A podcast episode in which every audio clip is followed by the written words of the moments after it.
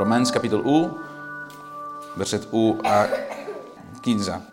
Pau, servent de Jesucrist, cridat com a apòstol, separat per l'Evangeli de Déu, que ell havia promès abans en les Santes Escriptures per mitjà dels seus profetes, concernent el seu fill, que esdevingué del llinatge de David, segons la carn, declarat fill de Déu en poder, segons l'esperit de santedat, per la resurrecció dels morts, Jesucrist, Senyor nostre.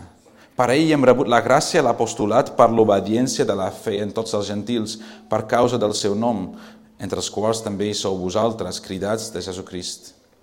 A tots els qui sou a Roma, estimats de Déu, cridats com a sants, gràcia i pau a vosaltres, de part de Déu, el nostre Pare, i del Senyor Jesucrist. Primer dono gràcies al meu Déu per mitjà de Jesucrist, per tots vosaltres, perquè la vostra fe es proclama en tot el món. Perquè Déu, a qui serveixo amb el meu esperit en l'Evangeli del seu fill, m'és testimoni que incessantment faig memòria de vosaltres i sempre demano en les meves pregàries que, si potser ara per fi, en la voluntat de Déu, aconsegueixi de venir a vosaltres perquè anelo de veure-us a fi de compartir amb vosaltres algun do espiritual per tal que sigueu enfortits. És a dir, per encoratjar-me juntament amb vosaltres per la fe mútua, vostra i meva.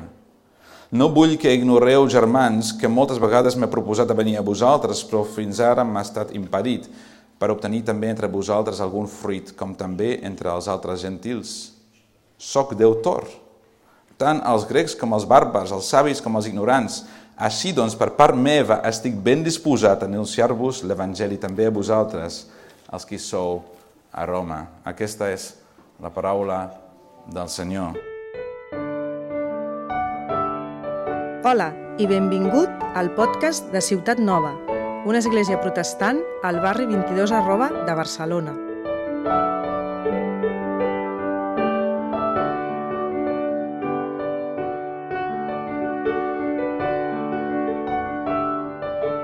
Parlem de moltes coses, no? de qui som, què fem i quin és el projecte i totes aquestes coses.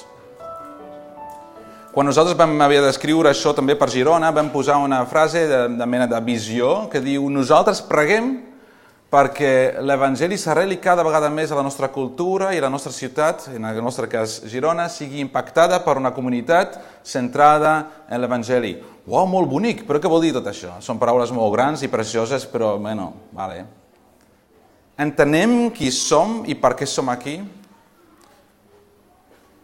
Si nosaltres parlem tant de l'Evangeli, sabem del que estem parlant, o potser vens aquí per primera vegada, o potser fa, fa poques vegades, i sents gent parlant de l'Evangeli i tens alguna idea de què possiblement podria ser, per no ben bé, o potser sí que ho sabies que era l'Evangeli, i fins i tot ho pots reproduir, però al dia a dia realment com afecta el dia a dia no, no té gaire, gaires implicacions. I potser fins i tot et fa sentir culpable l'Evangeli. Abans de sentir-vos malament, quina alegria cada vegada que tenim l'oportunitat per redescobrir l'Evangeli. Quina alegria per poder descobrir noves facetes de l'Evangeli en diferents moments de les nostres vides individuals i de la vida de l'Església. Quina alegria! Quan podem nosaltres aprendre l'Evangeli i mai no graduar de l'Evangeli?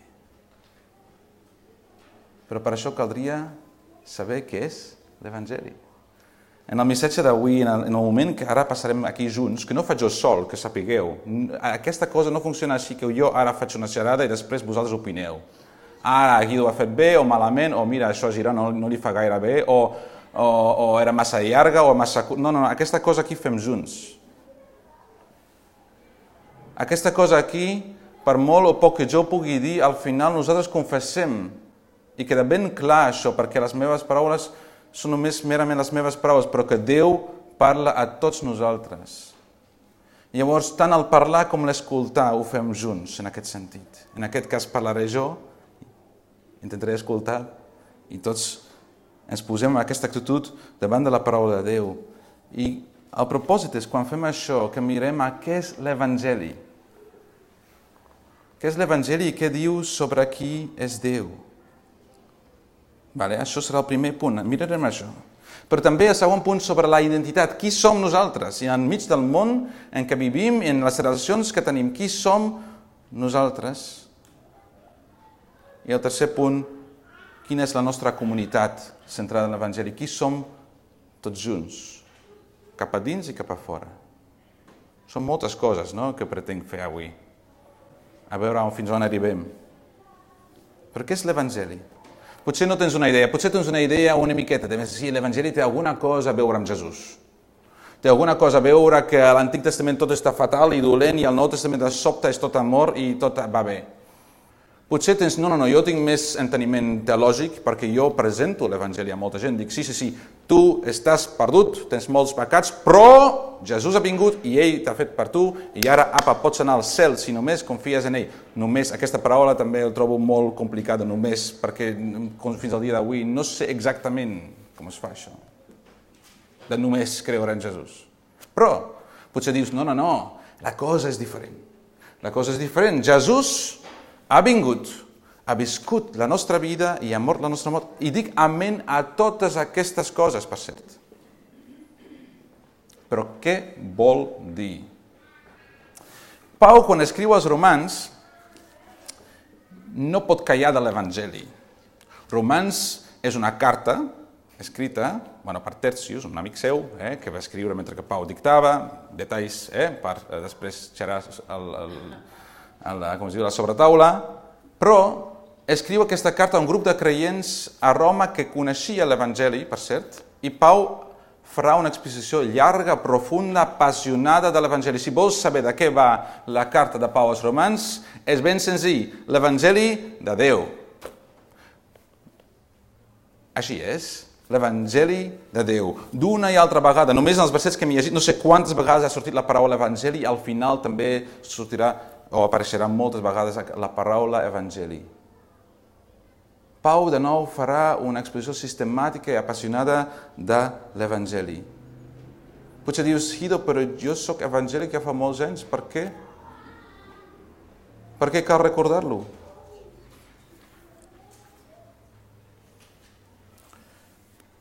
Perquè si Pau considera apropiat recordar-lo una i altra vegada, perquè només, no només la carta de Pau als romans va de l'Evangeli, cada, de, cada carta de Pau va de l'Evangeli, de fet, cada epístola, cada llibre del Nou Testament va de l'Evangeli. De fet, Pau dirà que tota la Bíblia va de l'Evangeli. Pau diu que ell és separat per l'Evangeli de Déu. Què diu? L'Evangeli de Déu. Comencem aquí. Què és un evangeli? L'evangeli són bones noves, bones notícies, són anuncis, anuncis reals, Pau, anuncis reials que tu envies a Roma és el lloc d'on surten. És com si jo vinc a parlar a Barcelona sobre el futbol. Oh, espereu, vinc de Girona, llavors sí que tinc dret, per cert. Um, Pau escriu als romans al lloc d'on surten les bones noves, sobre bones noves que venen de Déu. Déu existeix, és una bona nova.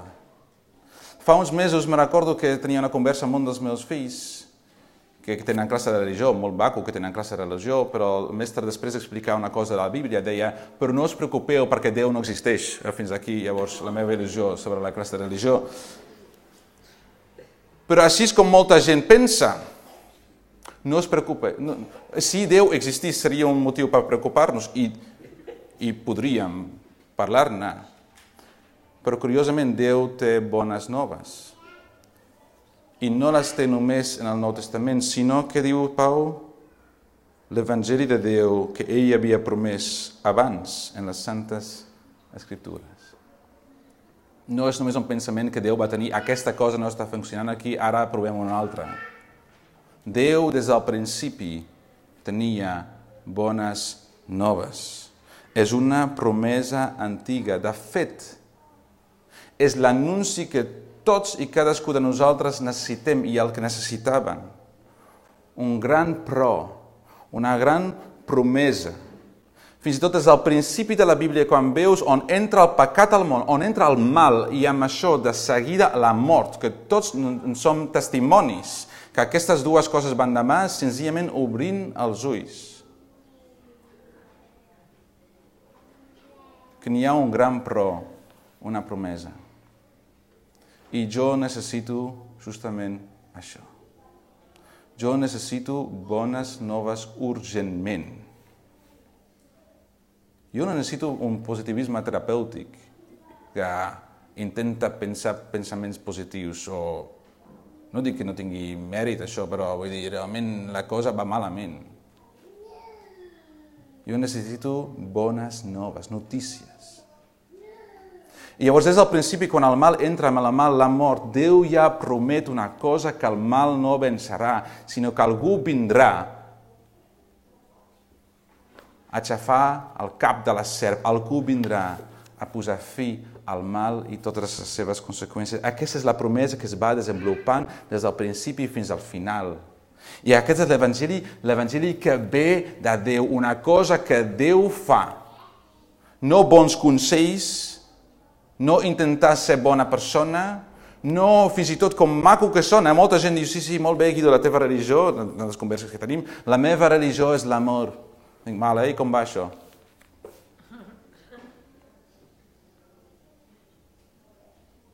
No, no, l'Evangeli ve de Déu. Santes Escritures, per què llegim la Bíblia?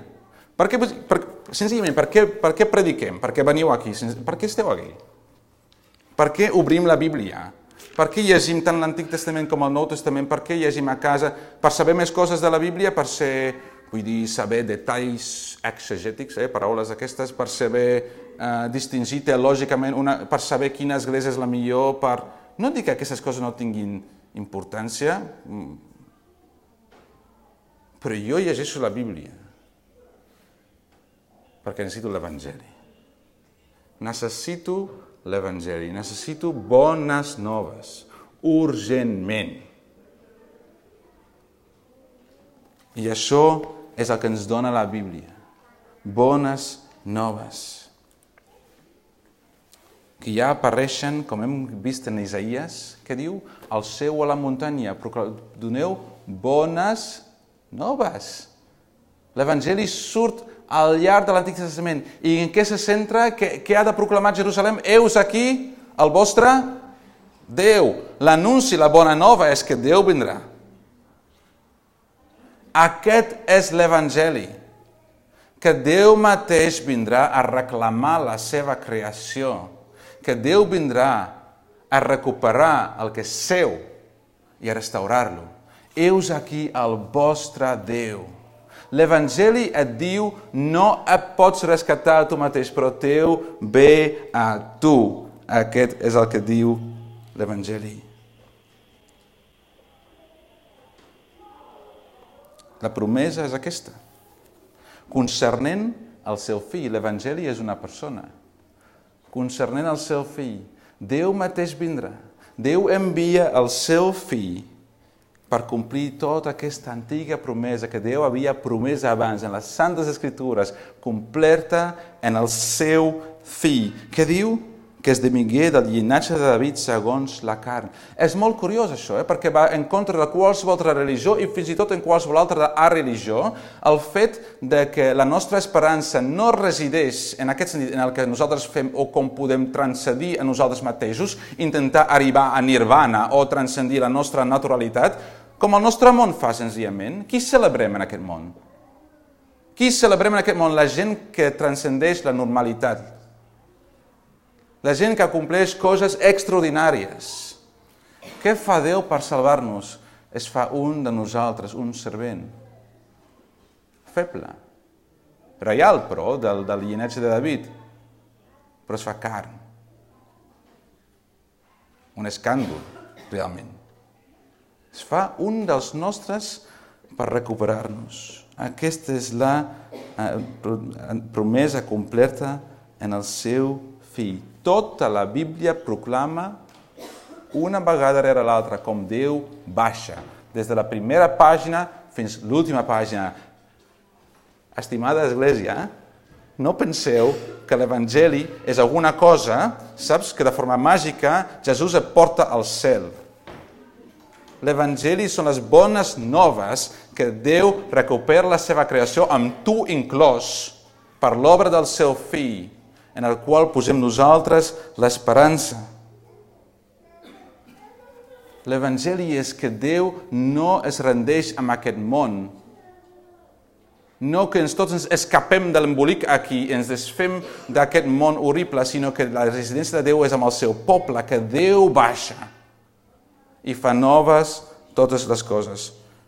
Haig de seguir endavant perquè si no n'hi haurem de cap manera. Però, segons la carn, fill de David, del llinatge de David, però també aquest fill que mor per nosaltres a la creu.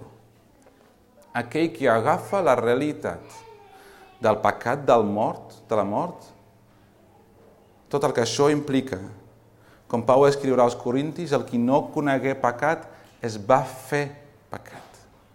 Que Déu mateix assumeix en la persona de Crist aquesta realitat de la qual tots nosaltres en som culpables i ho porta a la creu. Som molt ràpids a les esglésies per disculpar-nos quan fem servir la paraula pecat o quan llegim textos forts, per exemple, d'Abacuc i altres. Volem fer-ho més suau i mira, no, ja, ja s'ha d'entendre eh, dintre del seu context. I, però ho entenc, jo ho entenc perfectament. Estava parlant amb el meu barber, he anat a peruqueria setmana, eh? per vosaltres. Eh? L'enemic ho ha vist, sí.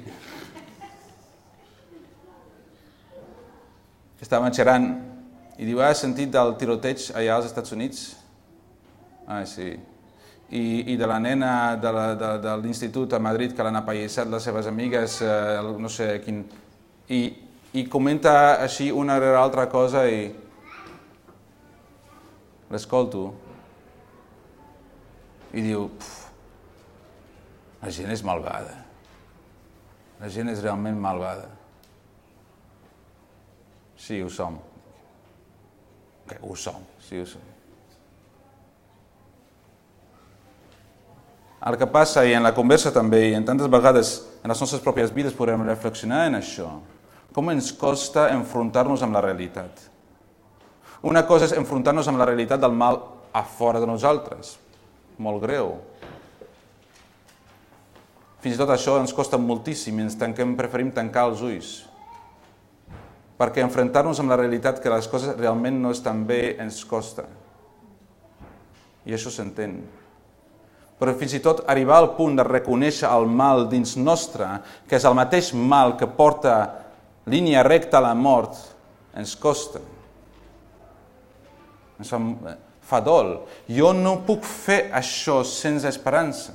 Jo no em puc enfrontar a aquesta realitat si no tinc una esperança ferma, bones noves Sense l'Evangeli només n'hi ha dues maneres en aquest sentit de passar la vida aquí. És o moralisme, com es diu, relativisme moral total, que cadascú faci el que li sembli millor, que bàsicament ens treu qualsevol, o, com es diu, dret de jutjar el mal. Bàsicament vol dir que donem els regnes del, de, de, de la realitat al mal. Diem, mal, bueno, fes tu el que vulguis, mentre que nosaltres ens perdem en la total distracció de l'entreniment i la cosa que sigui, i l'altra opció és, és moralisme legalista, és una forma de fanatisme moral que al cap i al fi acaba matxacant a tothom, incloent a tu mateix. Que és el moralisme on nosaltres des de dins assenyalem cap a fora per totes les persones que no compleixen amb la nostra manera de veure el món i de viure la vida però també que exigeix de nosaltres que fingim, que mantenim una aparença perquè nosaltres ni complim amb això. L'Evangeli, però, és una cosa totalment diferent. L'Evangeli ens permet acceptar, no, no, no acceptar, entendre i enfrontar-nos amb aquesta realitat i alhora no desesperar. A entendre el que tothom entén, que la cosa no va bé, però que n'hi ha una esperança, que n'hi ha un gran pro, que és Déu no abandona la seva creació, sinó que fa lliure, entrega lliurement el seu fill per redimir-nos. El seu fill per mitjà del qual ell continua sent el Déu just que condemna el pecat i alhora ens redimeix enviant el seu fill a la creu. És per l'Evangeli que Pau pot, pocs versets després que nosaltres acabem de llegir, reconèixer la dura realitat del pecat en l'ésser humà. És per, és per l'Evangeli que Pau pot dir no n'hi ha un de just i no desesperar-se. És per l'Evangeli que Pau pot dir encara quan nosaltres érem pecadors, Crist va morir per nosaltres. És per l'Evangeli que Pau pot reconèixer i no haver de fingir el mal que no vull fer, acabo fent, i el bé que vull fer no faig. Qui m'alliberarà? És per l'Evangeli que Pau pot dir qui condemna? Ja no n'hi ha condemnació per als qui són en Crist Jesús. És per l'Evangeli que Pau ja pot dir tota la creació està gemegant, les coses no estan bé, però res no es pot separar de l'amor de Déu en Crist Jesús. Aquest és el que fa l'Evangeli i és poderós. És això el que Crist aconsegueix a la resurrecció, on ell dona prova garantia que la mort no té l'última paraula, sinó que ell ha tractat de forma definitiva amb el pecat i les seves conseqüències. Allà en la resurrecció, per l'esperit de la santificació, l'esperit bàsicament que desfà tant l'origen com les conseqüències del pecat a les nostres vides i de forma molt clara en aquell que va esdevenir pecat per nosaltres, mostra la nova vida i és declarat, assenyalat, el que sempre era, però ara en poder, davant de tothom, reivindicat com el fill de Déu en poder. Crist Jesús, Senyor nostre. Això és el que fa l'Evangeli. És poderós, és perillós. Us, us, us aviso ara mateix escoltar l'Evangeli té conseqüències. L'Evangeli és perillosíssim. Us aviso. No vol saber les persones que de forma aleatòria han agafat la Bíblia oberta del llibre de Romans i se n'han vist capgirant la seva vida. Persones més llesques que vosaltres. Ho dic amb molta confiança coneixent-vos. No direm, bueno, Sant Agustí, eh? sent una veu, agafa i llegeix, agafa i llegeix de forma aleatòria el llibre... What? I, i, I la història de la humanitat ha canviat des de llavors també. Eh? Martí Luther, John Wesley, i podem continuar amb una llarga llista de persones. Però els romans mateixos, la idea de que Constantí va cristianitzar el món, al moment que Constantí va fer cristià, ja 50% de la seva població ja era creient la ciutat inconquistable, invencible, Roma. Qui va conquistar Roma? L'Evangeli va conquistar Roma. Amb espases, amb amor, servei. Fins al dia d'avui l'Evangeli és el poder de Déu per la salvació. I continua capgirant vides, sacsejant fonaments de vides, donant-los de nou una perspectiva d'esperança a la realitat. Això és el que fa l'Evangeli. Això és el que mateix apòstol Pau va experimentar. L'Evangeli no és pels religiosos. Pau sempre havia sigut religiós. No es trobaria una persona més religiosa que Pau. Tot el que feia depenia del que ell feia per Déu fins que es troba amb el Crist aquest, el fill de Déu en poder, ressuscitat. I què fa Crist? El reclama. Pau, em pertanyes, tu ara per mi. Això és el que Crist fa. Això és que l'Evangeli va fer, va conquistar Roma i l'Evangeli va conquistar Pau, com va conquistar a mi espero a tots vosaltres. I això és el que fa amb la nostra identitat. L'Evangeli fa que ens acabem d'entendre nosaltres mateixos d'una forma radicalment diferent. D'això es pot llegir al llarg de la Bíblia diverses històries i, i testimonis. Abans jo era... Ba, ba, ba, ba, ba. Però ara... No estic dient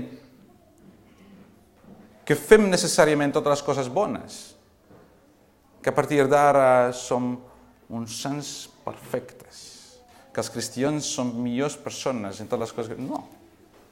Però alguna cosa ha canviat, que els ha canviat la identitat de forma tan radical que ja no es poden veure a si mateixos ni el món que ens envolta de la mateixa manera no una mera religiositat, sinó realment un canvi de percebre la realitat.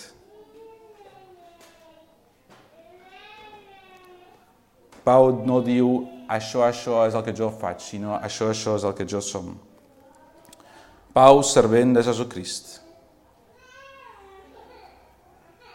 Pau, un ciutadà romà, lliure, diu, jo sóc un esclau de Jesucrist.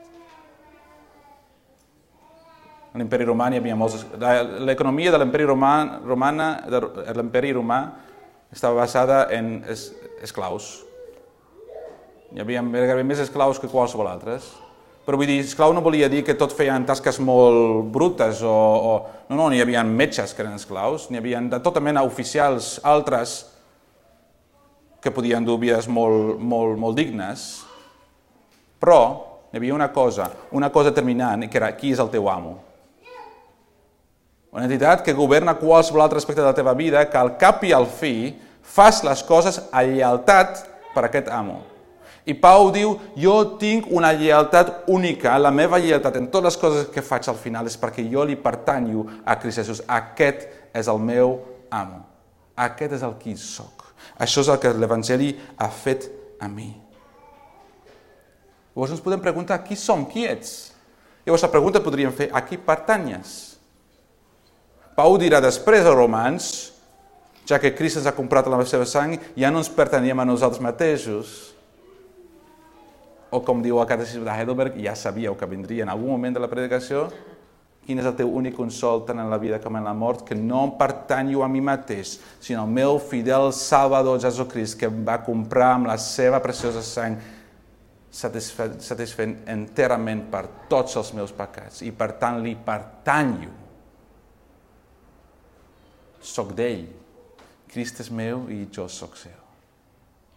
Aquí pertanyem. I d'aquesta manera, pertanyant a Jesucrist, Pau rep un apostolat. Pau és separat. Ara ja no separat com abans, com a fariseu, separat dels, dels, dels, dels, de la gent bruta, separat com no, no, jo mantinc sant, evitant el contacte amb els altres, sent l'exemple moral superior a qualsevol altre, no, no, separat per proclamar bones noves a gent perduda. L'apostolat, per què? Què diu en verset 5? L'apostolat, per hem rebut la gràcia, l'apostolat, per què? Per l'obediència de la fe en tots els gentils per causa del seu nom. Pau ara és enviat a cridar, a reclamar totes les nacions a l'obediència de la fe, a que tots confien en el nom de Jesucrist, a reconèixer el seu govern, legítim a confiar en ell, a tenir només una sola, sola lleialtat, no a l'emperador, no a qualsevol altre, sinó a Jesucrist. I per nosaltres? On són les nostres lleialtats? A qui pertanyem? No responem de forma massa ràpida perquè una cosa és donar la resposta correcta, l'altra cosa és, ara, mira, hi ha un bon exercici que escrius, mira, jo, jo voto això, jo voto això, aquestes són les meves conviccions, en, en teoria, eh? i després fas una llista dels llibres que llegeixes, les sèries que mires, al final, la que, saps què vull dir? I fas, un, fas una comparació, eh? a veure que on realment estan les teves lleialtats, no amb la teva veu, sinó realment en el dia a dia. Pregunta't, on són les meves lleialtats? A qui pertanyo? Així també pels creients a Roma. A qui pertanyeu? Una gent que és cridada a pertànyer a Jesús enmig d'un món d'altres lleialtats. D'una societat que reclama el seu temps, la seva atenció, el seu amor, tot. I Crist diu, pertany a mi. Jo sóc el millor amo. D'aquesta manera parla també Pau dels mateixos gentils a Roma, entre els quals, quan parla dels gentils, de totes aquestes nacions, entre els quals també hi sou vosaltres, cridats de Jesucrist. Això és el que fa l'Evangeli. No us faré aquí una invitació càlida a considerar els principis de la fe cristiana, a veure si us crido a confiar en Jesús. Molt més que jo, Jesús us crida a pertànyer-li a ell aquesta és la crida de l'Evangeli que surt una i altra vegada i reclama les nostres vides. Perquè Déu ens estima a través del seu fill i ens crida a ser sants. a la llum de l'Evangeli aprenem junts a viure la nova vida de la resurrecció, on ja no regna el mal ni el pecat ni la mort, sinó la seva justícia, l'esperança, la vida, en base de la pau que Déu proveix. Qui som, Ciutat Nova? Qui som? No què fem. Qui som? Qui som? Una comunitat de persones a què l'Evangeli ha arribat amb una crida contundent a pertanyar a Crist, on l'Evangeli ara determina, és la, és, és la realitat predominant de les seves vides. De persones que no, no han de fingir mai més, de persones que poden ser sincers sobre els seus pecats perquè saben que la realitat predominant no és ell i el seu pecat, sinó Crist i la seva justícia. Aquest és el poder de l'Evangeli i per tant l'Evangeli és vocacional. Com a comunitat de persones. Una església no que fa activitats, sinó que en totes les coses que fem sangrem evangeli, diguem-ne, suem evangeli, parlem evangeli, plorem evangeli, el que surt de la comunitat que sigui evangeli. Aquesta és una comunitat centrada en l'evangeli a un crida l'altre a pertanyar a Crist. On, on que diu aquí, la vostra fe es proclama en tot el món. On fem memòria l'un de l'altre on quan diu Pau, perquè anhelo de veure-us a fi de compartir amb vosaltres algun do espiritual per tal que sigueu enfortits, és a dir, per encoratjar-me juntament amb vosaltres per la fe mútua, vostra i meva, on ens encoratgem no amb uns apa i ànims i vinga i el que sigui, sinó amb l'Evangeli de Jesucrist, on aixequem la mirada de l'altre, una rere l'altra vegada, mira a Jesús. Quan mirem a nosaltres mateixos tenim prou motius per desesperar-me, i jo el primer, com diu un bon amic, en el meu millor dia tinc, Déu té prou motius per endur-me de seguida directe a l'infern. Però mira Jesús. Això és el que fem amb l'Evangeli. No deixeu que passi un sol... No permeteu, i crec que sé que no ho fan, però no deixeu que els vostres predicadors ho deixin un sol diumenge sense predicar de forma explícita i contundent l'Evangeli. Perquè jo, jo, Necessito l'Evangeli. No sé com viure un dia sense. No venim també, en aquest sentit, per nosaltres mateixos a l'Església. Si és per la fe mútua i per encoratjar-nos mútuament, no venim aquí a escoltar i després opinar. No dic perquè després, per treure el, tot el dret d'opinar el que vulgueu de la predicació, feu el que us sembli millor, però pregueu per mi, primer, i per l'altre. Venim l'un per l'altre. Venim aquí en aquest sentit mutu. Una tasca vocacional que tenim l'un per l'altre, no per fer moltes coses, sinó a ser junts, aquesta comunitat formada per i centrada en l'Evangeli. I junts compartir aquesta missió amb Pau i els romans. Una coseta més abans de la conclusió. És en aquest context que Pau escriu aquesta carta, una carta missional. Saps, sabeu on Pau vol anar, oi? A Espanya. Sí. Pau vol anar a Espanya per en aquell moment d'escriure estar de camí de Macedònia a Jerusalem. Per què, per cert? Molt bonic. L'església on tot va començar Jerusalem és l'església molt pobra i els hi falta diners. I què fan els nous creients? Els gentils estan fent col·lectes, ofrenes, per portar diners cap a Jerusalem de forma molt pràctica estan sent en diferents localitats una sola comunitat centrada en l'Evangeli. Pau està portant aquests diners cap a Jerusalem, super mega agraït per el que estan fent altres, i està preparant l'Església de Roma per acabar sent la seva església emissora per poder començar el seu viatge missioner cap a Espanya. Que és l'església més a prop vol anar i necessita Pau, l'apòstol Pau, ni feia la missió sola, sols. Sol necessitava aquesta església emissora. I aquesta església necessita pau, necessita recordar l'Evangeli. Pau diu, jo sóc un deutor de l'Evangeli. En aquest sentit, Pau no deu res a l'Evangeli, però deu l'Evangeli als demés. No sé si m'explico. Aquest exemple vaig llegir, crec que del... serà Tim Keller, segurament. Però en el cas de que si jo li dono 5 euros a Rubén per donar-hi a la Noemí, encara que la Noemí no ho sàpiga, fins que ell no doni aquests 5 euros a la Noemí, sense que la Noemí sàpiga en Rubén li deu 5 euros a la Noemí. N'hi ha molta gent que no sap que som els seus deutors. N'hi ha molta gent aquí a fora, els veïns d'aquest local i dels nostres barris, a la nostra feina, en molts llocs, i els devem l'Evangeli. Que els estem robant quan no els proclamem a l'Evangeli. De tantes maneres, de forma vocacional, en el feina del dia a dia, de forma molt natural, potser de maneres que després ni t'has adonat que has compartit l'Evangeli. Realment sent la persona que ets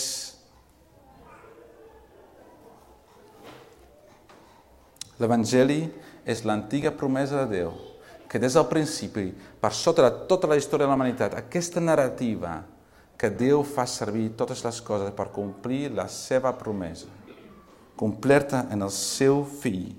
La narrativa que governa tota la història també la teva i la meva, que Déu té l'última paraula per mitjà del seu fill, que va venir en la nostra carn, va morir la nostra mort i és ressuscitat en glòria i reclama la seva creació, inclòs a vosaltres. Qui som nosaltres a llum d'això? Una comunitat de persones estimades per Déu i cridades a pertànyer a Crist per encoratjar-nos mútuament amb l'Evangeli, a ser aquesta gran comunitat centrada a l'Evangeli per continuar proclamant Jesús al món, a la gent a qui, a qui estem endeutats, recordant l'Evangeli una i altra vegada, redescobrint-lo també els moments quan l'hem perdut de vista o quan estem buscant com aplicar l'Evangeli ara, en aquest moment a la meva vida, i junts descobrint l'alegria de l'Evangeli de Jesucrist. Com també quan celebrem el Sant Sopar, quan de forma divina Déu ens encorratja amb l'Evangeli, quan diu tan cert que mastegaràs el pa i beuràs de la copa, tan cert, jo vaig donar un moment concret de la història al meu fill també per tu i per aquest cos de creients. Com n'hi ha un sol pas, som un sol cos i junts som encoratjats en l'Evangeli que es fa present en nos, en, entre nosaltres. Junts recordem el que Crist va fer, junts recordem que Déu és el Déu que compleix les seves promeses i anticipem quan ell tornarà per viure amb nosaltres, per sempre més. Recordem això, abans de qualsevol altra cosa. Quin és l'Evangeli? Quina és la nostra identitat a la llum d'això? I quina comunitat som? Amb quina missió? Gràcies per escoltar aquesta predicació. Si tens preguntes respecte al seu contingut o vols tenir una conversa sobre l'Evangeli, no dubtis en contactar-nos. Escriu-nos o visita'ns a www.cn22.org.